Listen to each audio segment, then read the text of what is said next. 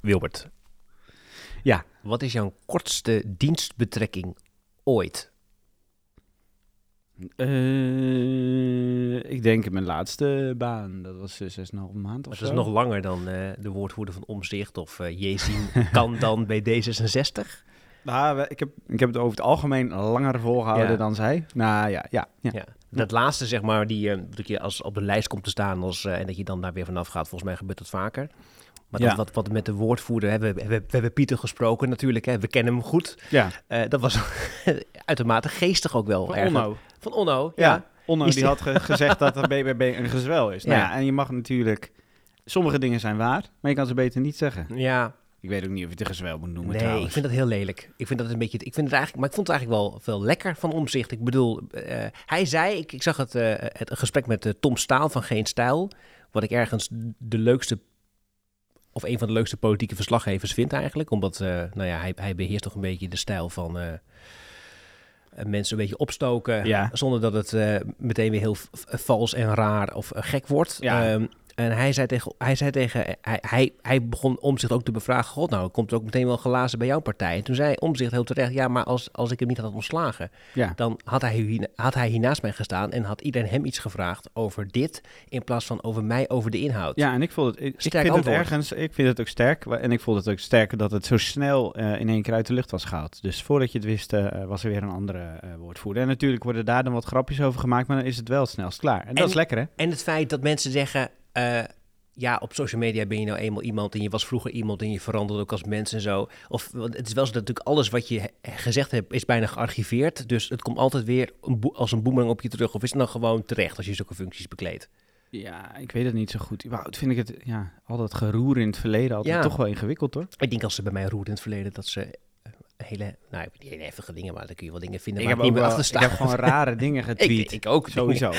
Ik bedoel, daar kunnen we duidelijk over Wij zijn. kunnen nooit woordvoerder van omzicht zijn, denk ik. Nee, maar dat willen we ook niet. Hey, en, en Bram, ik was even een paar dagen in, in Noordwest-Groningen, in Wongema. En Leuk. ik kan de stad niet alleen laten, Nee. hè, blijkt. Want wat is er allemaal gebeurd in Groningen? Ja, ik weet er het, het, het er niet van, maar er is vlakbij eh, eh, Alexander Weber, onze derde linkse man die u nauwelijks hoort in deze podcast, eh, een, eh, een, een bomaanslag geweest, twee eigenlijk Ja. weer, op dezelfde salon. Wat Dus voor salon ja, het is een schoonheidssalon en dit, in, in, met, ze steeds maar Iemand opblazen. heeft eh, haar, haar lippen laten opblazen daar en vervolgens dat is mislukt. En dan blaas ik jullie weer op. En er was gisteravond, we nemen het nu op donderdag op, eh, op zaterdag luistert u hiernaar, eh was er nog een schietpartij ook in Groningen. Er is van alles aan de hand. Het heeft te maken met, inderdaad met Oost-Groningen. Er schijnt een soort van, ik, ik, ik, Pekel de maffia. Ja, Pekel de Penosi, dacht ik. Penosa. Ik had dat even het bedacht. Ik probeer het te munten. Ik ga het even, even aan Sikkom van ehm, sturen. Dit- Ik vind het een hele lekkere term. Pekel de Penosa. er is iets aan de hand. We weten niet wat, maar het is gevaarlijk geworden hier. Ja, nou dat is Dus eigenlijk blijf gewoon... in Wongema.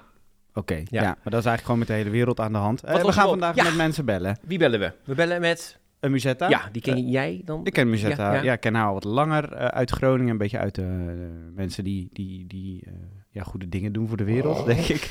Met bedrijven. Ja, ik wil sociaal, bij uit sociaal ondernemerswereld. Ja, ja, goed zo. Ehm, Mooi. En eh, wij waren op dezelfde demonstratie afgelopen zaterdag op Zeker, de A12. ja. Eh, zij was daar ook samen met haar dochter en haar man.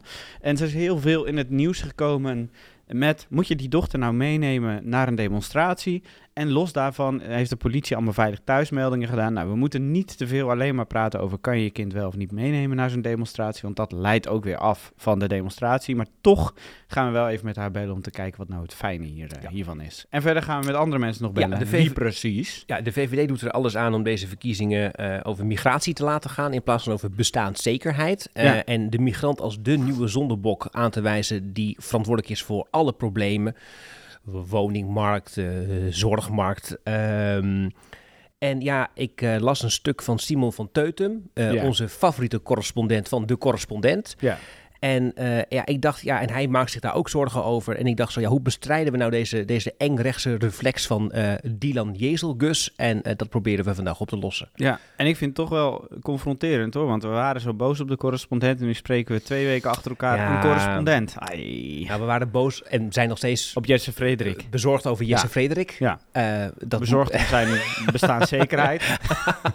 maar voor de rest denk ik wel dat er, ik moet wel zeggen, nou ja, god, er staan toch ze doen best best. le- leuke stukjes op de correspondent af. Zeker, Ja. zeker weten. God, wat een En dan bellen we openbaring. nog eh, over een. eh, ja, ja, ja. En dan bellen we nog iemand eh, die, gaat, die gaat het hebben over biohacking. Is dat iets waar jij je mee bezighoudt? In het geheel niet. Ik weet wel dat jij een life hacker bent ergens, toch? Jij zei ooit namelijk een keer tegen mij dat je zo moe wordt van jezelf dat het zo van alles, alles moet dan perfect zijn of zo. Dus alles moet doordacht zijn. Alles moet de meest effectieve oplossing zijn voor een probleempje. Ja, toen ik, zeker toen ik eh, eh, een beetje net die burn-out uitkwam, of die burn-out had, dan toen ben ik daar heel veel, eh, heel veel mee bezig geweest. Dat alles perfect moet zijn en dat je gewoon echt moet moeilijk. proberen, inderdaad, ja, overal over na te denken. En, en mijn ex, die, die heeft ook zo'n, zo'n die had zo'n, zo'n Ja, smartwatch. dat is dus biohacking alweer. Ja, meer, want dan ga je, kan je de hele tijd checken eh, wat je hartslag is, hoe goed je hebt geslapen, dat soort dingen. Nou, ik hou er niet van. Dat is precies dit. Ehm Adriaan eh, Ter Braak, eh, beter bekend als Shamadriaan op de sociale media, maakt zich al heel erg druk over nou ja, onwetenschappelijke claims die overal zichtbaar zijn, maar maakt zich in het bijzonder druk over het nieuwe KRO-NCV-programma The Biohack Project, waarmee dat eigenlijk een soort van podium krijgt. Ja. Wij Dit- maken ons ook zorgen daarover. Daar gaan we over bellen. Een volle uitzending. Dat is verschrikkelijk. Ah, hier is een beetje een rare ondergangsstemming. De linkse mannen lossen het op. There's no way back. Zullen duurzamer moeten? De linkse mannen lossen het op. Iedereen is toch geschrokken naar de voice. De linkse mannen lossen het op. Om die tweedeling te voorkomen. Wij zijn een vreedzame beweging.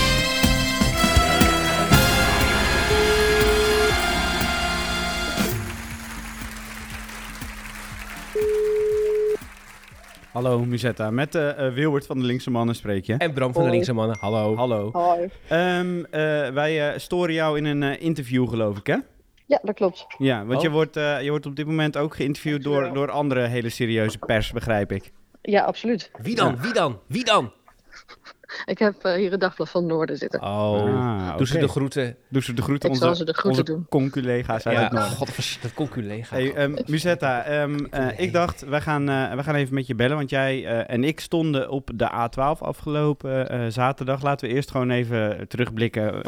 wat, we, wat, vo- wat vond jij ervan eigenlijk afgelopen zaterdag? Ik vond, het, eh, ik vond het eigenlijk wel een, opnieuw een hele mooie demonstratie. En, eh, en blijk van hoe je vreedzaam met een hele grote groep ehm, eh, eh, kan vragen om iets. ehm, wat voor een nog veel grotere groep eh, van extreem groot belang is. Ja, en, en de afgelopen dagen is er elke dag nog weer gedemonstreerd. Jij zit er, ik, hou het ook in de gaten. Ik ben niet een van deze dagen nog geweest, maar jij bent geloof ik nog bij meerdere dagen ook op een bepaalde manier betrokken geweest. Hoe, hoe gaat het nu met die demonstraties? Ja, klopt. Ik, eh, ik zet eigenlijk als standaard eh, zet ik de livestream aan eh, om, om nou ja, zo kwart voor twaalf. Om in de gaten te houden van, goh, hoe gaat het? Ehm, lukt het weer? Ehm, is de sfeer goed? Ehm, eh, wordt er ook goed op gereageerd? Is de politie er voor onze veiligheid? Of is er een ander klimaat aan het ontstaan? Nou, dat, dat zijn, dat zijn Sowieso een ander klimaat elkaar- aan ontstaan, Musetta. Ja, nee, dat gaat net iets te snel, hè, die klimaatverandering. Ja. Hey, en ehm, eh, jij eh, eh, bent de afgelopen dagen heel veel in het nieuws geweest, omdat je je dochter mee had genomen naar de demonstratie ook. Of in ieder geval, je dochter die wilde mee naar de demonstratie. Ik geloof dat we het beter zo, zo kunnen verwoorden. En was Mhm. zij, was en ik zij... heb dat niet tegengehouden, klopt. Nee, nee, je hebt het niet tegengehouden. Nee, en, en, en wa- was zij een van de... dan, ik vraag dat jou dan maar, ik wel ze zelf ook. Maar nee, laat, dan kan ik beter zeggen... Zij was zeker niet een van de enige kinderen die daar was, toch? Nee, klopt. Wij, eh, we hebben een, eh, er is ook eh, XR Families, dus een, een community van, van families die, die zich nou, hele grote zorgen maken over klimaatverandering en, en zich op een bepaalde manier ook willen inzetten om, om- daar tot een halt aan te, te, krijgen. Ehm, en voor een aantal van, van de gezinnen, ehm, eh, ja, er zitten kinderen in eh, die zeggen van eh, ik wil gewoon mee. Ik vind het, het gaat over mijn toekomst. En waarom mag ik daar niet laten weten um, dat ik vind dat bijvoorbeeld die subsidies gewoon moet stoppen? Nou, daar hebben we het met elkaar over gehad, als ouders ook met elkaar. Van goh, wat sta je wel toe, wat sta je niet toe? Is het veilig? Hoe kunnen we het met elkaar ook veilig krijgen en houden? Um, en, uh, en daaruit zijn een aantal uh, ouders geweest die hebben gezegd: Nou, oké, okay, als mijn kind dit zo belangrijk vindt, dan ga ik daar niet voor liggen. Ehm, en dan zet ik mijn, uh, mijn grote alertheid aan, want het is heel hard werken op zo'n op zo'n demonstratie om, het, om, om alles goed in de gaten te houden. Maar dan kan ik mijn kind daar doorheen loodsen. Mm -hmm. en, en dat is volgens mij volledig gelukt, want er is geen enkel kind die ook maar een schrammetje of een, een, een, vervelend ding heeft meegemaakt, behalve als een politieagent ja. net iets, iets, iets deed waarvan ik denk van nou, is dat nou nodig? Maar de politie denkt daar wel in het algemeen wat anders over, Musetta. Want die heeft heel veel kinderen aangemeld, zeggen ze tenminste bij Veilig Thuis. En ja, die beticht jou toch van kindermishandeling. Ja, maar dat is gelukkig niet aan de politie om dat te betichten. Ja, ze mogen het, uh, ze mogen het doen en dan hebben we instanties in Nederland die daarvoor voor opgeleid zijn en, en toe in staat zijn om, om een echte uitspraak te doen. En ik heb alle vertrouwen in dat Veilig Thuis een instantie is die, die daar serieus naar kan kijken. En ons dan ook serieus uh, uh, een, nou ja, een, dikke pluim geeft dat dit geen kindermishandeling hebben, is. Hebben ze ook gedaan en ze hebben gezegd van hier zijn wij niet voor. Maar in het algemeen kun je natuurlijk dan wel zeggen, wat vind jij ervan dat nu, hè, dat, het gaat natuurlijk eigenlijk hier over. Dus niet over, over jouw dochter is nu een soort van het voorbeeld geworden van een kind dat meegenomen is of mee wilde naar een demonstratie. Maar die kinderen aan zich zijn nu een soort van symbool geworden. Waar nu dan weer, nou ja, je mag het wel zo zeggen, denk ik, een bepaalde rechtse afslag van Nederland zich heel boos over maakt. En zegt: dit kan zo niet langer. Hoe kijk je daar tegenaan?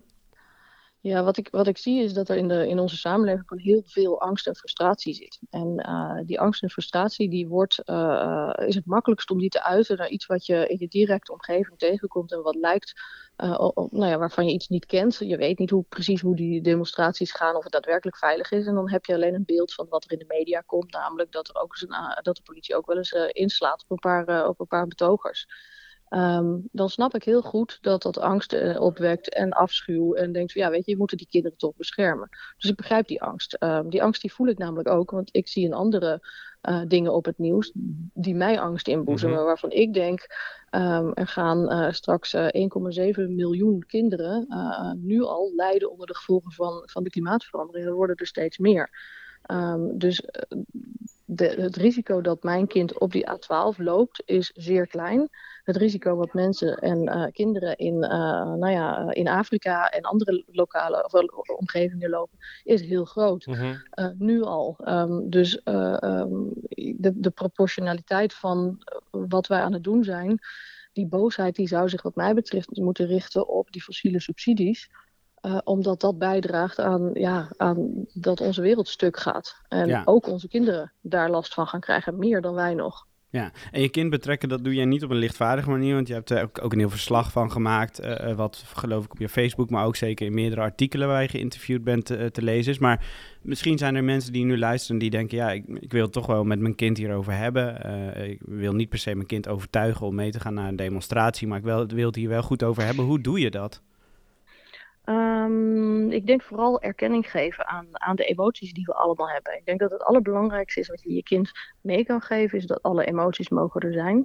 En dat wij als ouders um, ervoor moeten zorgen dat we uh, de emoties niet ontkennen, maar leren reguleren. Als iemand bang is, uh, dan moet je niet zeggen, um, je moet niet bang zijn, want dan blijft die bangheid toch ergens bestaan. Maar dan moet je zeggen, oké, waar ben je bang voor en hoe kunnen we ervoor zorgen dat je uh, nou ja, een soort handelingsperspectief krijgt om er wel iets mee te doen. En meegaan naar een demonstratie kan voor bange kinderen een manier zijn om handelingsperspectief te krijgen en dus die emotie te kunnen reguleren. Ja. Um, en weet je, als we dat niet blijven doen, dan zitten we straks allemaal met een burn-out. En dan hebben we ook nog een klimaatcrisis die, uh, die uh, idioot, uh, idioot vormen aanneemt. En dan gaan, zijn we nog verder van huis. Dus um, ja, ik wil mijn kind graag voorbereiden op een toekomst die zeer onzeker is. Want ik denk dat klimaat en andere zaken echt voor een onzekere wereld gaat zorgen. Onzekerder dan nu. Ja. Um, en daar hoort ook bij dat, dat een kind best in een situatie kan zitten waar, waar er wat spanning ontstaat. Nou, dat was op de A12 met, nou ja, als in één keer zo'n waterwerper gaat, gaat spuiten, ook al sta je op veilige afstand, dan is toch even, wow, wat gebeurt er? Nou, dat is een spanning die even omhoog gaat. En dan help ik mijn kind om die spanning weer te reguleren. Van kijk, we zijn een goede afstand. Je kan een stukje terug. Als je, als je het helemaal spannend vindt, kan je weg. Nou, dan leer je je kind in feite om te gaan met zo'n spanning in plaats van te bevriezen en, uh, en gevaar te blijven lopen. Ja, nou, heel duidelijk. Nu is het zo, hè, als je dan dit zoiets doet en uh, je, je, zit meteen ook in het open riool uh, in, in Nederland uh, van alle media en alle mensen die daar iets van vinden. Ehm, hoe verhoud je je daar dan toe? Ehm, nou ja, eh, sowieso eh, Twitter zo min mogelijk lezen. Dat Ja. is eh, een van de allerbelangrijkste tips die, die mensen mij gegeven hebben. Heel goed. Ehm, en veel blijven, blijven zoeken naar de steun binnen, eh, ehm, binnen de grote beweging die ook steeds groeiender is. En de steun komt soms vanuit hele verschillende hoeken. Ik heb inmiddels in, in, in privéberichten van links tot rechts, van mensen, van burgemeesters tot, eh, eh, tot schoolleraren, et cetera, heb ik steunbetuigingen gekregen. Ehm, en echte mensen die, eh, die dat niet per se hoeven te doen om, om zelf in een beter daglicht te komen. Maar gewoon omdat ze zeggen, weet je, jullie staan daar en volgens mij is het goed wat jullie doen.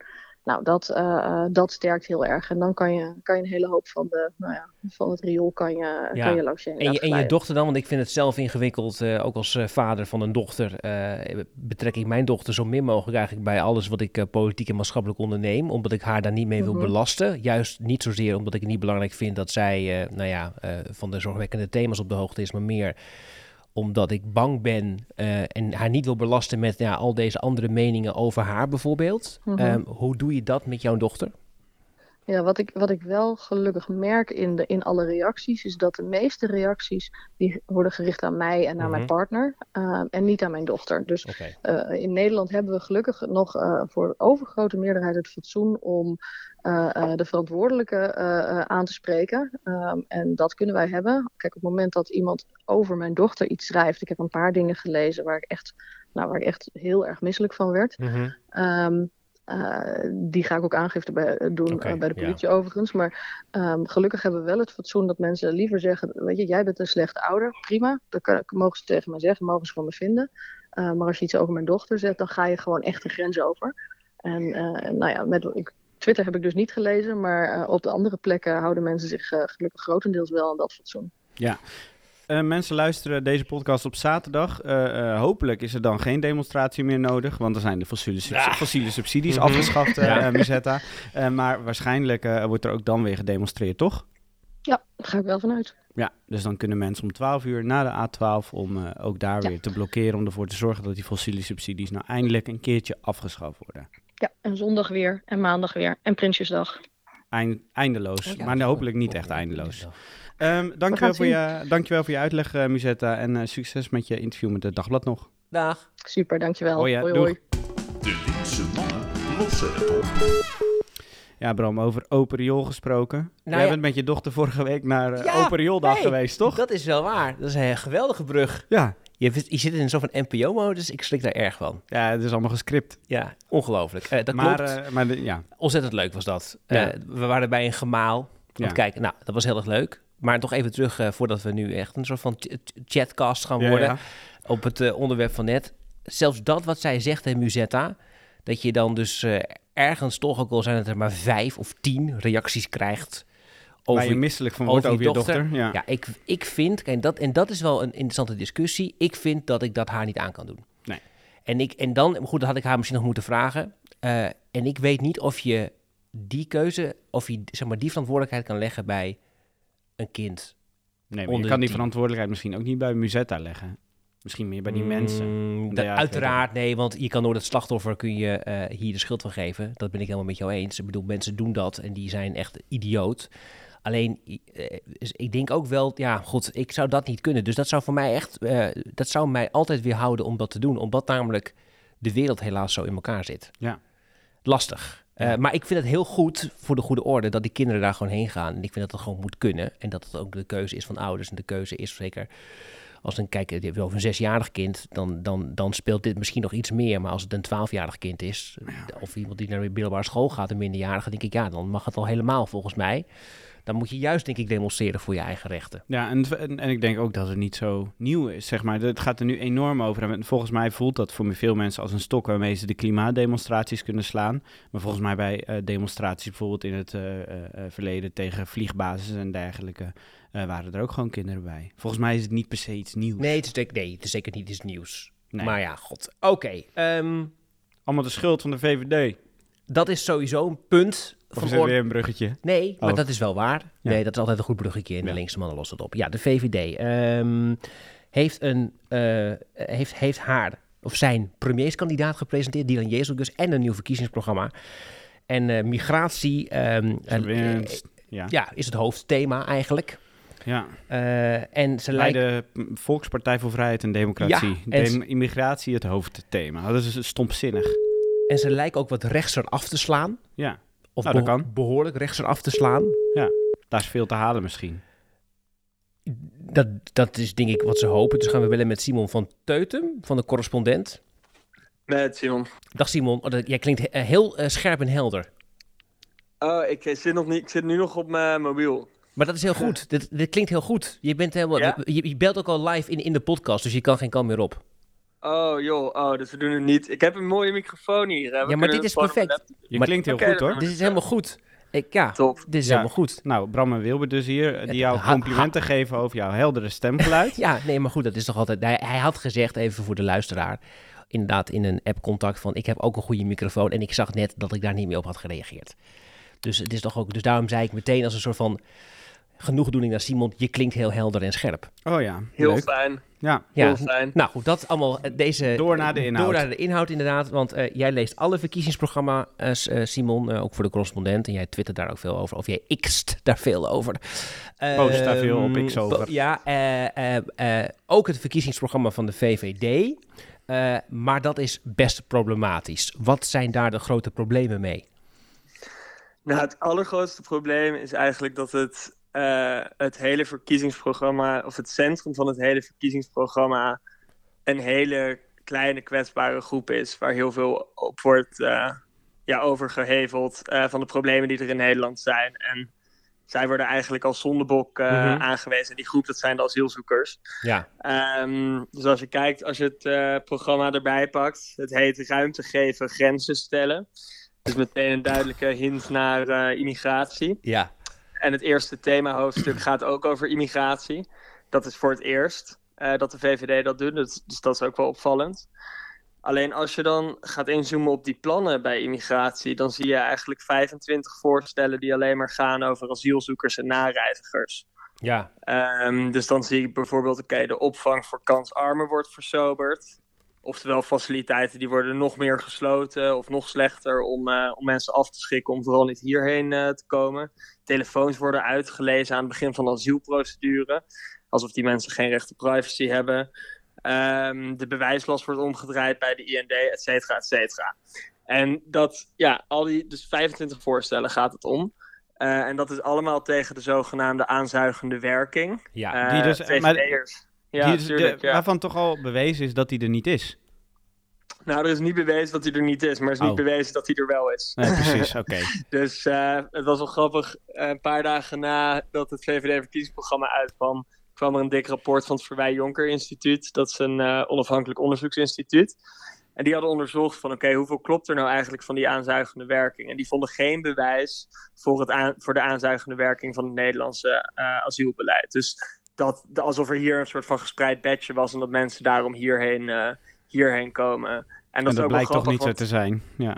ja, Ja, en- dat blijkt toch niet zo te zijn. Het was ook wel grappig, want dat onderzoek dat bleek uitgevoerd in opdracht van het ministerie van Justitie en Veiligheid. Dylan. En dat staat onder leiding van dimissionair minister uh, Dylan Isildes. Ja, ja. Een klassieke self-own. Nou ja, nou ja, of je kan, ja, maar dat- kijk, ze is natuurlijk en eh, natuurlijk eh, de lijsttrekker van de VVD en ze is minister. En dat zijn altijd bij politici altijd twee verschillende rollen. Daar, daar hameren ze altijd op, volgens heel mij. knap, ja, dat is heel knap. Dat kunnen ze heel goed. Maar eh, het interessante, Simon, wat je ook zegt. Ik heb ook eh, even ook jouw jouw Twitterdaad net weer eventjes bijgepakt. eh, waar, je, waar je dit nog eens heel goed en concreet eh, uitlegt. Is dat, hè, want als je kijkt bijvoorbeeld naar wat Pieter Omzicht zegt. Hè, die benoemt eh, bestaanszekerheid inderdaad als het grootste thema. Maar heeft het ook wel over migratie en over migra- migranten. Maar heeft het ook over eh, over arbeidsmigratie, heeft het over studenten die hier komen studeren. Wat je daar ook van mag vinden, of dat dan allemaal wel waar of niet waar is, of die problemen wel of niet even groot zijn. Maar het probleem met de VVD is dus eigenlijk dat ze het alleen maar over die kleine groep asielzoekers hebben. Ja, alleen maar is ook niet helemaal fair, want het gaat wel heel even, even kijken hoor, het gaat wel heel even over arbeidsmigranten van buiten de EU. Dus dat Ja. is 7% van alle immigranten en studenten van buiten de EU, 5%. Maar het probleem is, als je naar de retoriek kijkt in het verkiezingsprogramma, dan zie je overal in grote oranje letters staan grip op migratie. Maar wanneer je dan de getallen gaat afpellen, dus neem 2022, toen kwamen er 403.000 eh, immigranten, ruim 400.000 migranten. Dat is heel veel. Het migratiesaldo is hoger dan, eh, dan ooit tevoren. Dus het is ook wel logisch dat ze dat misschien als thema kiezen. Maar als je dat gaat afpellen, dan zie je, oké, eh, sinds 2010 heeft meer dan de helft van de migra- immigranten heeft een EU-nationaliteit. dus die kunnen sowieso door het vrij verkeer van personen, kunnen die hier gewoon heen komen. Ja. En ja, daar tekenen we, dat is niet iets wat ons wordt opgelegd, dat is iets wat we willen. Minder dan 1 op de 7 Nederlanders wil een exit. Uh, en wij plukken er ook de vruchten van, want jaarlijks verhuizen zo'n 20.000 Nederlanders naar een ander EU-land. Mhm. En vorig jaar gingen meer dan 10 miljoen mensen zonder gezeik op zomervakantie naar een ander EU-land. Ja. Dus meer dan de helft is sowieso EU. Dus dan heb je, als je het dan hebt over grip op migratie, dan heb je het sowieso over grip op een minderheid van de immigranten. Ja. Maar als je het dan verder gaat afpellen van vorig jaar, nou, dan heb je nog 108.000 mensen die vallen onder tijdelijke bescherming van, uh, uit Oekraïne. Dat zijn dus geen asielzoekers. Nee. En daar is ook grote publieke steun voor. Dus wat blijft er dan over van buiten de EU of Oekraïne? Dat zijn 122.000 mensen. Dat is dus al drie, drie op de tien mensen. Dus we hebben het nu over grip op, op drie op de tien immigranten. Waar iets maar dat ook- zijn ja. ook lang niet allemaal asielzoekers.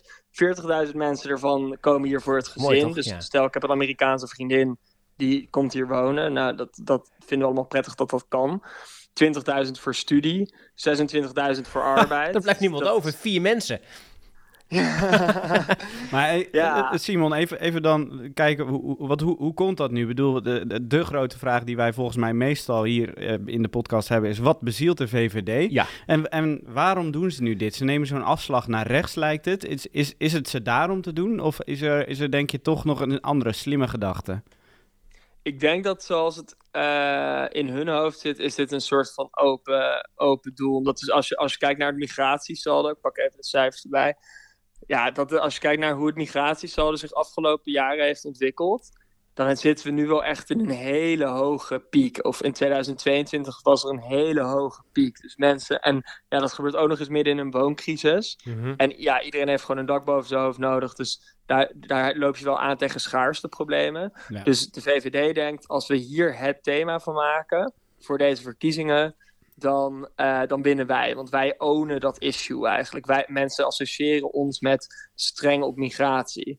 Maar ja, het lastige, het lastige van die strategie is eigenlijk twee dingen. Eén, dus als je tegens, politieke tegenstanders krijgt die dat gewoon heel helder gaan afpellen, Zoals die jij. getallen, en kijken waar het nou eigenlijk... Ja, nou ja, ik ben geen Nee, dat politieke snap ik, maar, zoals, ja, maar- ja, ze kunnen bij jou in de deur. maar ik snap wat je bedoelt.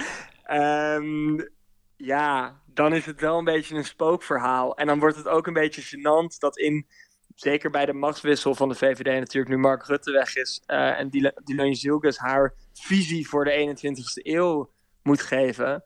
Ja, als, het, als de spil van die visie het, het wegpesten van, van een heel klein groepje kwetsbare mensen is. De VVD zegt altijd wel dat het een optimistische en hoopvolle partij is en zo, maar eigenlijk is dat natuurlijk heel sneu. Ehm, dus ik, op Ja. de oppervlakte is, is, lijkt het best wel een goede strategie en ik denk dat het echt puur electoraal gedreven Ja, maar dat is, is. toch, Want- dat is toch super cynisch, Simon? Ik bedoel, we weten dat de VVD zo in de wedstrijd zit vaak. eh, maar dat is natuurlijk wel het, het, het cynische spat er vanaf. Eh, Ja. hi- hier kun je misschien wat stemmen pakken van die anders naar de PVV of misschien naar jaar 21 of naar Van Hagen of zelfs naar Forum zijn gegaan. Die pak je dan mee. Mensen die dat te ver vinden gaan, maar wel toch wel vinden dat de migrant eigenlijk een groot probleem is. Die pak je dan. Wat, wat blijft er dan nog van je liberale ideologische koers over? Ja, ja, weinig denk ik. Dus ik, ik vraag me ook, ik ben ook benieuwd de VVD-kiezers hierop, eh, zeker de VVD-kiezers die twijfelen tussen D66 en VVD, dus de wat meer eh, sociaal-liberale of liberale kiezers. Maar ook met omzicht nu. Ja. Ja, als, vorige maand was er een eh, peiling van INO Research. Die keek naar, oké, wat welke thema's vinden Nederlanders op dit moment het belangrijkst? En daar stond volkshuisvesting met stip op één. Ja. Eh, daarna gezondheidszorg, daarna armoedebestrijding en daarna pas immigratie. En natuurlijk zal een VVD'er zeggen, ja, die thema's hebben allemaal met elkaar te maken. Want meer immigranten betekent ook minder huizen en een groter beroep op onze gezondheidszorg en meer armoede. Maar ja, je, als je dus naar de getallen kijkt, dit is niet, dit is niet de breekijzer om die problemen aan te pakken. En als je dan tegen Pieter Omtzigt staat, die heel duidelijk van eh, bestaanszekerheid en functioneren van de democratie zijn speerpunt maakt, of eh, PvdA GroenLinks die van klimaat een speerpunt maken, of, of zelfs Volt die van Europese Unie een speerpunt maakt. Dat zijn allemaal thema's die meer de woonkamer van mensen thuis binnendringen dan Ja, asielzoekers. maar ik heb sowieso heel erg het idee, maar dan gaat het over, eh, over, ook over Dylan Jezelgus eh haarzelf, dat eh, op het moment dat de debatten gaan plaatsvinden en zij staat, eh, of het nou over Europa gaat tegenover Laurens Dassen en, eh, en klimaat tegenover Timmermans, of als het over rechtsstaats- en bestaanszekerheid en zelfs als het over migratie gaat tegenover Pieter Omzicht, dat ze als dit haar verhaal is en als dit haar cijfer en, en, en kennis is, haar parate kennis is over deze, over deze onderwerpen, dat ze dan wordt weggeblazen. Ja, dat denk ik ook. Ik zag er vorige week vrijdag volgens mij bij op één zitten. Bij Sven Kokkelman Thijs van den Brink. Ja. En toen werd er gevraagd van, oké, waarom heb je nou de deur naar de PVV weer op een kier gezet? Wat volgens mij dus, als je het weer even hebt over die electorale strategie. Oké, de VVD wil zich profileren als hard op migratie. Dan is zo'n switch van, oh, we staan wel weer open voor samenwerking met de PVV, past in dat plaatje. Maar ja, dat, dat kun je electoraal onderbouwen. Maar als je daar naar gevraagd wordt in een eh, tv-studio of bij een debat, dan zul je toch een inhoudelijke reden moeten geven. Dus al toen Thijs van der Brinker aan het doorzagen was van oké, hoezo sluit je nou, geef nou eens een inhoudelijke reden. Waarom sluit je niet meer de PVV uit? Eh, Mark Rutte had een paar jaar geleden nog een grote brief gestuurd naar informateur Herman Schenk Willing waarom die dat wel deed. Wat is Mhm. er inhoudelijk veranderd?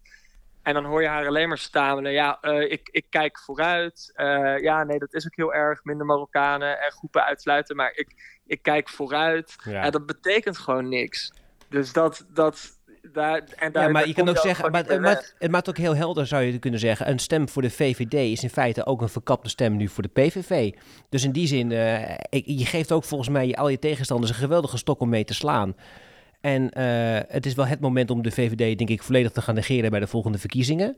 Dat is heel Ja. positief. Ik heb nog wel één, zeg maar, belangrijke vraag. Want ik vind het ook, ehm, is het niet een hele gevaarlijke precedent dat je eh, dan toch weer zo in dat zo'n kleine groep, hè, dan de asielzoeker als zondebok gaan aanwijzen. Ik bedoel, het is in de, maar, in de historie ook in Nederland vaak genoeg gebeurd dat daar naar, naar werd gekeken. Het heeft ons eh, heel veel ellende gebracht. Dus hoe kun je nou als intelligent mens, wat ik hoop dat Dylan Jezus is, hiervoor kiezen? Ja, eigenlijk, eh, die vraag is eigenlijk al beantwoord. Electoraal gewin. Ja, ik vrees dat Ja, het echt gewoon ja. ambitie is. Pure ambitie. En ik denk, ik denk dat we, wat we ook echt niet moeten onderschatten in Nederland, is dat. ehm, kijk, waar zit nou echt de macht van eh, rechtspopulistische partijen of van, van partijen die echt groepen willen uitsluiten? Ja, die, macht, die partijen zitten niet in de regering. PVV heeft natuurlijk gedoogd in 2010. Mhm. Maar de echte macht, de echte invloed op inhoudelijke besluitvorming in ons land, komt via de achterdeur binnen bij gevestigde partijen die denken dat ze die strategieën moeten kopiëren om stemmen te behouden. En in plaats van, ja, in plaats van daarmee die groepen eigenlijk af te sluiten of de pas af te snijden, legitimeer je ze en maak je hun gedachtegoed niet alleen mainstream in ons maatschappelijk eh, gesprek, maar ook komen dat soort plannen, dus telefoons uitlezen van asielzoekers of eh, ja, even nog die faciliteiten nog kutter maken om eh, een tweede ter Apel te orchestreren. Dat, ja, dat heeft gewoon invloed op echte mensenlevens. En ja, dat, dat is wel de, de tra- tragedie ervan, vind ik. Dat Ja. het, en dat vind ik dat gevestigde partijen, ook het CDA eh, en, en ook, ook, ook de SP, die moeten doorhebben dat ja, zij zijn uiteindelijk. Nou, de SP misschien wat minder, maar die gevestigde partijen zijn uiteindelijk degene die aan de knoppen zitten. En eh, de echte macht van populistisch rechts, rechts in Europa komt vooral door partijen als de VVD, die hun standpunten overnemen en echt vertolken in, in beleid. Ja. Nee, het is eh, duidelijk, Simon. Eh, eh, het is eigenlijk, als we er zo over praten, het is gewoon schandelijk eh, wat hier gebeurt. En laten we hopen dat, we, eh, dat ze er flink op, eh, tenminste dat spreken we even namens de linkse man uit, natuurlijk, eh, dat ze erop afgestraft gaan worden. Eh, Simon, eh, blijf het volgen en we gaan je vast nog wel eens bellen, denk ik, naar de verkiezingen toe weer. Ja, leuk. Ik ga veel tikken, dus eh, Heel goed, succes. Dankjewel Simon, hoi. Alright, dank jullie. Ehm, en dan over een VVD gesproken, toch? Hank's Juice. Ja, Henk eh, Kamp was ook eh, zelf weer lekker in beeld als de ultieme bad guy, Henk. En, daar, en daar, zo hebben we Henk eigenlijk het liefst toch, eh, als nou, heb, medewerker van dit programma. Ja, maar hij werd weer, hij werd weer geïnterviewd bij een, bij een enquête. En oh god, hij, hij, ging, hij, hij gaf weer allerlei mensen de schuld. Het was weer niet zijn schuld. Ja, hij is gewoon heel druk met, met ja, het onderzoeken wat hij- er allemaal aan de hand is. En hè? hij heeft ook weer toch weer iets gevonden over iemand, onze Henk. En daar gaan we niet meer naar luisteren. Henk Kamp. Welkom bij alweer een derde Juice, waarin ik, Henk Kamp, u in aanloop na de verkiezingen relevante informatie meegeeft die de reguliere media om hun moverende redenen niet brengen. Deze keer een toch wel opmerkelijk verhaal over Partij voor de Dierenleestrekker Esther Ouwehand. Namelijk, er is geen verhaal over Esther Ouwehand. Misschien is het u al eh, opgevallen, mevrouw Ouwehand geeft bijzonder weinig prijs over haar privéleven. Als ik ook eh, google op eh, Esther Ouwehands partner, dan komt er eigenlijk niks naar boven. Ook Esther Ouwehand privé geeft weinig hits. En zelfs op het internet veelgestelde vraag... is Esther Ouwehands familie van de oprichters van Dierenpark Ouwehands... dan wordt deze beantwoord met nee. Maar ik wil graag weten, mevrouw Ouwehands, wat bent u wel? Ik moet constateren dat mevrouw Ouwehand het de kiezer niet toevertrouwt. En dan vraag ik mij af waarom zou de kiezer u moeten vertrouwen. Eén ding weet ik overigens wel. Mevrouw Ouwehand heeft een burn-out gehad. Alleen maar van haar werk als Kamerlid. Tot zover deze kampsjoes. Tot de volgende keer. En onthoud, houd oren en ogen open. Echt een, Henk, Henk beheerst ook de... echt een Ja, doodenge man. Jemig. Goed, eh, dankjewel Henk. Hou in dat, eh, de, je oren en je ogen en open, voor, eh, voor meer news over de politiek. Ehm, ja, eh, biohacking. Ehm, ja, ik wist er eigenlijk weinig van. Ehm, Ik wist ook niet dat het... Dat ik- het ja, ik wist dat een beetje dat het nou, en bestond. ik ben ook wel door de, degene die we dus nu gaan bellen... ook wel, moet ik wel zeggen, een beetje in het onderwerp meegenomen. Omdat ik eh, Adriaan als Shamadriaan ben gaan volgen op de online media. En Is dan, niet Shamadriaan? Of Shamadriaan. Shamadriaan. Eh, en ja, dan zie je dus al die belachelijkheid. Goedemorgen, Adriaan. Goedemorgen. Hallo, Dit is Bram en dat is... Hallo. ik ben Wilbert. Dag. Hallo. Ehm, ja, ik zeg net dat, ik, dat jij mij ook wel hebt meegenomen doordat ik jou ben gaan volgen op de sociale media en alle onwetenschappelijke bullshit die, eh, die eh, ja, verklaard wordt. Ehm, maar we gaan nu even heel specifiek kijken naar het nieuwe eh, programma van de KRO-NCV, de Biohack Ja. Project. Want waar hebben we het dan eigenlijk over? Ja, dat is een beetje lastig te zeggen, want ehm, kijk, Caro en CEV zegt dat het een soort reality-programma is en dat, dat biohacking eigenlijk een element daarin is. Maar het heet de Biohack Project en als je het gewoon kijkt, zie je gewoon heel duidelijk dat het eigenlijk alleen maar gaat over het fenomeen biohacken met een Mhm. soort van fear factor element erin verwerkt om het, om het visueel wat leuker te maken. Ja. En ja, biohacken, dat is een so- soort paraplu-term voor allerlei eh, tips en tricks die je op basis van wetenschap en coachingtechnieken en dat soort dingen op jezelf kan toepassen om je gezondheid te optimaliseren. Mhm. Wat in de kern, in theorie, op zich niet eens zo'n heel gek idee is natuurlijk. Alleen als je dan daadwerkelijk gaat kijken naar wat je zou kunnen doen door bijvoorbeeld aan je lichaam te meten, dan valt het allemaal heel erg mee. En dan komt het er dus op neer dat wat die biohackers doen en wat ook in het programma gebeurt, testjes, hartslagmeters, dat het allemaal onzin is. Omdat, het- omdat je al die informatie niet kan verkrijgen bijvoorbeeld uit die testjes. En om, ze hebben het over DNA-testen en dan heeft, heeft iemand het vechtersgen of Ja. een, een Sinky Knecht, die kan geen brood meer eten. Dat kan je helemaal niet Nee, concluderen. je gaat heel snel. Laat, laat, het eh, even af, DNA-testen. la- laat het even afpellen inderdaad voor mensen die nog niet naar het programma hebben gekeken. Want er zijn er denk ik ook heel veel mensen niet geweest. Ja. Want Wilbert bijvoorbeeld het programma nog niet gezien voor Nee, vandaag. nou, een klein stukje. Een klein stukje. Ik, Ja. heb er, ik heb er inderdaad wel met veel, eigenlijk wel, om- omdat ik zeg maar alle kritiek ook kende, met veel plezier naar gekeken. DNA juist. is veranderd door het kijken Ja, naar dit programma. Zeker. En, inderdaad, en wat ze doen inderdaad, zeg maar, er is een of andere gozer, die heet Govert Viergever. Dat is een oude, Ja. oud Olympisch roeier. En die is nu Ja. biohack-expert, toch? Ja. Ja? Dat Ja. kan korter, denk ik dan. Gewoon biohack-expert. Oké, prima. Wa- Waarvan Ja. akte. Eh, en, eh, en die heeft dan met vijf bekende Nederlanders, die hebben dan eigenlijk de ambitie om minder stress Ja. te krijgen. En dat gaan ze Ja. dan eh, door middel van Ja. biohacking proberen te Ja. eh, En die regelen. Hele, ja, en die hele premisse, de hele premisse, dat is wel goed om te weten, is totale kolder. Want wat, wat, wat ze zeggen is, als je je stress onder controle kan krijgen in een hele extreme situatie, bijvoorbeeld als je bovenop een gebouw staat of op een plank loopt, of als je onderin eh, een onderzeeër eh, die vol loopt, moet ontsnappen, ik noem maar wat, heel heftig. Als je daarin je stress onder, onder controle kan krijgen, dan kun je ook in het dagelijks leven je stress onder controle krijgen. Maar dat is totaal onzin. Dat is Ja. op geen enkele manier sluit het aan bij wat, wat we weten over stress. Dus eh, er is ook helemaal geen wetenschappelijk bewijs voor. Het is gewoon uit de lucht gegeven. Het is gewoon heel duidelijk een soort uitspraak die, die ze erin hebben gefietst om eh, die hele leuke stunts te lijmen aan Ja. een soort wetenschappelijk, althans een wetenschappelijk uitziende bodem om dat te doen. Dat is het eigenlijk. Eh, dus dat klopt wel niet, dus wat, je- wat je zegt. En eh, dan gaat het dus inderdaad allerlei extreme dingen doen. Zoals bijvoorbeeld over zo'n zo'n plank lopen. Ja. En dan krijgt ze allerlei tips om te ademen op, op basis van een hartcoherentietheorie. Maar dat is ook pseudowetenschap. Dat is ook al lang uitgezocht dat, dat wat zij specifiek doen niet klopt. Je kunt wel door stress heen ademen en met, met, met hartslag en dat soort dingen kun je wel een en ander doen. Alleen wat zij specifiek doen, dus dat je echt naar een app kijkt die zegt wanneer je in en uit moet ademen, dat werkt.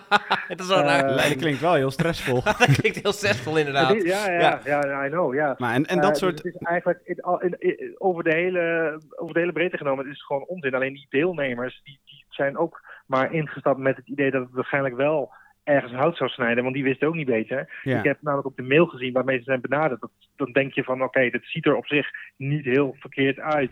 Als je onwetend bent of als je een influencer bent, een actrice, je zit niet heel diep in die materie, kun je denken, nou, dit is wel leuk. Dit, Ja. dit is spectaculair, maar er zit ook een wetenschappers eh, element, een gezondheidselement zelfs. Dat vind ik tof. Maar ja, die zijn eigenlijk misleid en die zitten nu eigenlijk in deze, in deze trein die eigenlijk aan het crashen is heel langzaam over een, een aflevering of vijf. Ja. En, ja, hoop, ja, misschien zelfs wel letterlijk, maar dan kunnen ze toch rustig blijven, ondanks die stressvolle situatie. Ehm, maar wat Dat is nou precies... goed. Ja, dat is goed. Want eh, ehm, Ja.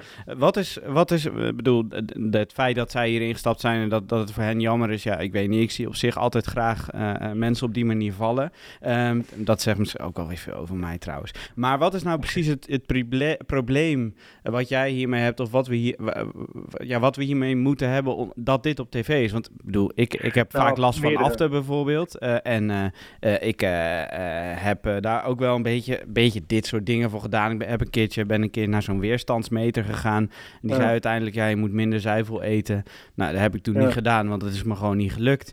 Eh, en ik ben een keer in een ijsbad geweest en zo'n zo'n Wim Hof breath workshop heb ik gedaan. Nou, Ja. dat vond ik een verschrikkelijke ervaring. Tenminste, dat Nee. ademhalen vond ik leuk. Ja. Maar dat ijsbad vond ik echt verschrikkelijk. Ik kreeg een enorme paniekaanval. Dus ja, maar en, dus, dus ik zou denken, ach ja, weet je, leuk toch om je mee bezig te houden. En laten we vooral onze eh, vrije tijd vullen met dit soort dingen. Maar is het ook daadwerkelijk problematisch of gevaarlijk?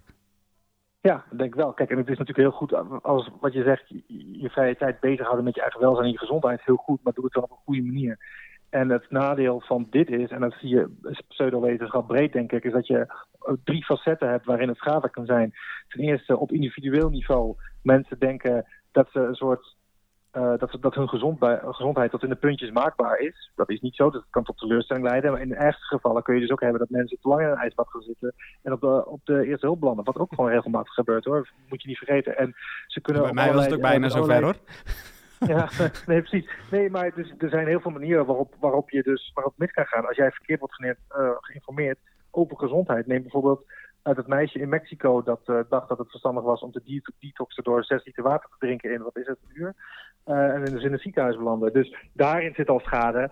Ik denk dat, het ook, dat er ook schade zit in het, eh, wat ik net al zei. Dus de, als mensen denken dat gezondheid maakbaar is, dan gaan ze ook eerder aankloppen bij de huisarts omdat ze een bloedtestje willen of een vitamine B12-injectie. En dat gebeurt ook heel vaak, want ik spreek dus heel veel huisartsen, heel veel medisch specialisten hierover, die allemaal zich kapot ergeren aan het feit dat ze steeds meer kwijt- tijd kwijt zijn uh, met uitleggen waarom iemand geen vitamine B12-injecties nodig heeft. Maar ja, ga er maar aan staan. Uh, dus dat, dat, heb je ook nog eens. Dus, dus dat zorgt voor extra druk op de zorg. En in, waar ik me het, meest aan erger is dat er continu de, de wetenschap aan zich, de medische wetenschap aan zich, worden ondermijnd door Mhm. een of andere uilskuiken dat totaal geen verstand heeft van hoe het menselijk lichaam werkt. De grootste krollen verkondigt op tv en dan heel veel mensen dat zien. En er is eigenlijk niet op tegenop te, te debunken, want het is al op nationale tv geweest. Deze mensen hebben, uh, dit programma krijgt veel meer kijkcijfers dan wat ik op Instagram zet of op een blog zet. Uh, en ja, mensen gaan erin mee en die denken, nou die dokter zal dan ook wel niet ja, want dat is, om, want dat is wel echt een punt. een DNA-testje aan het doen zijn. Ja, want dat is wel voor mij een goed Ja. punt. Hè? Want even los van het feit dat je op een bal kan staan en dat je je ademhaling onder controle kan krijgen. Ja. En dat je kan zeggen, nou ja, dat kan best, weet ik veel, zinvol. Ja, ik weet niet in godsnaam welk moment dat zinvol zinvol in je leven gaat zijn. Maar goed, laten we daar even in die gedachten meegaan. Je weet maar nooit. Je weet maar nooit, maar het, voor mij het, wa- waar ik ook echt helemaal gewoon gek van werd toen ik er naar keek, was die scène dat dan die Govert dan met die bekende Nederlanders in een ruimtetje zit en dat dan op basis dus van die DNA-test en die bloedtest en die urinetest, maar gewoon wordt geconcludeerd, Shinky Knecht, jij kan geen brood meer eten. Nou, die, die arme jongen, die, die haalt de Olympische Spelen nou niet meer waarschijnlijk, door, door deze opmerking van Govert. Ehm, Monique heeft het vechtersgen. Dat bestaat toch helemaal niet? onzin. Slaat het nou Totale op? onzin. En, d- en ook eh Defano Holdijn kreeg te horen dat hij eh, te weinig magnesium eh, heeft. Maar dat is ook weer zo'n achtelijk fabeltje. Iedereen slikt er tegenwoordig maar magnesiumsupplementen. Er is geen enkel site bewijs dat magnesiumsupplementen goed zijn voor je. Ook niet als je sport, maar iedereen denkt dat. Maar ja, het is betrokken bij 300 processen in je lichaam. Dus ja, je kan er maar beter genoeg van hebben. Maar ja, je haalt het echt meer dan voldoende uit je eten. En als je echt daadwerkelijk een magnesiumtekort hebt, dan heb je meer problemen dan wat hij krijgt. Waarschijnlijk val je dan flauw. dat, is, dat, is, ook, eh, dat is ook uitgelegd al door eh, Bernard Leenstra in de je- dokter, hè? Het Ja. slaat nergens op. Ja. Het slaat helemaal nergens op wat daar gebeurt. Nee, maar het is het dus. Je kunt natuurlijk zeggen van, is het schadelijk? Je kunt, je, we komen ook op een gegeven moment op het punt dat we ons ook kunnen gaan ergeren aan het feit dat er op nationale tv gewoon dat de, de, de journalistieke lat zo, zo zorgwekkend laag ligt. Dat, we gewoon, dat je gewoon niet meer weet waar je het moet zoeken als het gaat om de verspreiding van desinfo. Herkenbaar. Dit is, dit is, ik, vind dit echt, ik vind dit echt bizar. Ik merk maar ja, het. goed, En- dat, dit, en- is waar we mee moeten doen. Ja, maar goed, jij, volgens mij heb je ook al, je neemt ook, eh, ik heb ook eh, jouw S, of je essay, je, je stuk gelezen. Hè, je neemt contact op dan met de KRO-NCV en je uit dan je zorgen. Wat is dan hun reactie? Nou, in de eerste instantie zeiden ze dat ik de boel verkeerd interpreteerde toen het ging over die DNA-testen. Maar dat was voorafgaand aan het programma. Toen zei ik nog van, wat, wat interpreteer ik dan verkeerd? Dat jullie op je website staan, in de persbericht staat, ik ga op basis van DNA en bloedtesten, gaan we stress meten en verminderen. Dus ik heb gezegd, dit, dit kan volgens mij niet. Slecht dan uit hoe het zit, heb ik geen antwoord meer op gekregen. Ik heb ze weer gemaild, nog steeds geen antwoord. Ik heb ook gevraagd, welke arts eh, is, daarbij betrokken geweest? Eh, ja, ik krijg ze antwoorden niet meer, voor zijn ze klaar mee. Ja, dat kan. Dat is het gewoon. En, en dan is het, maar dan, het programma is op televisie. Er komt inderdaad vanuit jou en vanuit ook dat stuk in de NRC, maar überhaupt ook zelfs, zelfs, zelfs van Maarten Keulemans, de wetenschapsredacteur van de Volkskrant, die soms bedicht wordt van ook enigszins bijzondere opvattingen over wetenschap. Maar goed, in dit geval staat hij aan, jullie zijde. hoor, maar uh, hij wordt vooral beticht van het belichten van uh, al- dingen die vaak niet waar zijn, waardoor hij te veel aandacht geeft aan Juist, nou. misschien bepaalde zaken. Maar wetenschappelijk gezien is Maarten Keulemans altijd, zit altijd wel redelijk on point. Maar Goed zo. ja. Fijn, dat hebben we hem nu eventjes hier eh, goed neergezet. Bram Maar ook- even gedebunked. Ik, ik ben gedebunked door jou, eh, Adriaan. Ja. Maar ook hij, hij, hij besteedt hier ook aandacht aan. In- Het lijkt mij, zo'n programma, het wordt van publiek geld gefinancierd. Dit kan niet op Ja. de televisie blijven. Ja, dat is, dat is natuurlijk een heel groot probleem. Ehm, eh, sorry hoor, mijn eh, vriendin zegt even mee. Sorry. Nee, eh, kijk, eh, inderdaad, maar ze hebben dus volgens mij minstens vijf ton betaald voor dit programma. Ik reken even vijf, een ton per aflevering. En dat is Mhm. volgens mij een vrij conservatieve schatting, vooral als ik zie wat voor stunts er allemaal uit wordt Mhm. gehaald. Ik denk, ik denk eigenlijk dat het meer is, maar dat zeggen vijf ton. Dat hebben ze, uh, via een extern bureau hebben ze dat, eh, of een productiebedrijf hebben ze dat laten maken. Blue Circle, Die, ja. krijgen, die krijgen sowieso hun geld. Dus inderdaad, dan, dan kom je op het punt dat ze dus gewoon dat bedrag door de play hebben gespoeld. Dat kan niet anders. Dus nu zijn ze een afweging aan het maken, denk ik. Gaan we dit nog uitzenden, gaan we niet uitzenden. Ga je het wel uitzenden, krijg je nog meer shit over je heen. Want het is allemaal onzin. Ze zijn wel ook nu nog, volgens mij, dat is mijn idee, in de montage proberen allerlei dingen te verbeteren. Want ze hebben ook al in de eerste aflevering in één keer erin gezet dat het allemaal maar een experiment is. Terwijl er was daarvoor nooit sprake van. En allerlei eh, uitspraken over wetenschap erin gemonteerd. Eh, met een voice-over of door Govert laten zeggen in een andere soort setting. eh, waardoor, waardoor je ook denkt dat het erover erover in is gemonteerd. Die dus gaan over biohacken is niet wetenschap. Ja, dat Eh, zag ik gaat ook. niet over wetenschappelijke consensus. disclaimers, Het lijkt heel ja. escapes. Dus Ja. Geven zelf heel erg aan escape voor dit soort dingen. Eh, het, het, het klopt niet, maar zwaar. Dus dat kunnen ze ook nog steeds doen per aflevering. Kijken van hoe kunnen we dit nog een beetje, eh, zeg maar, hoe kunnen we nog een beetje al die onzin wegmasseren in de montage. Maar dat gaat ze denk ik niet lukken. Dus ja, ik denk dat ze daarmee bezig zijn. Maar ik weet het niet. Ik denk dat ze ermee moeten stoppen en gewoon hun verlies moeten pakken.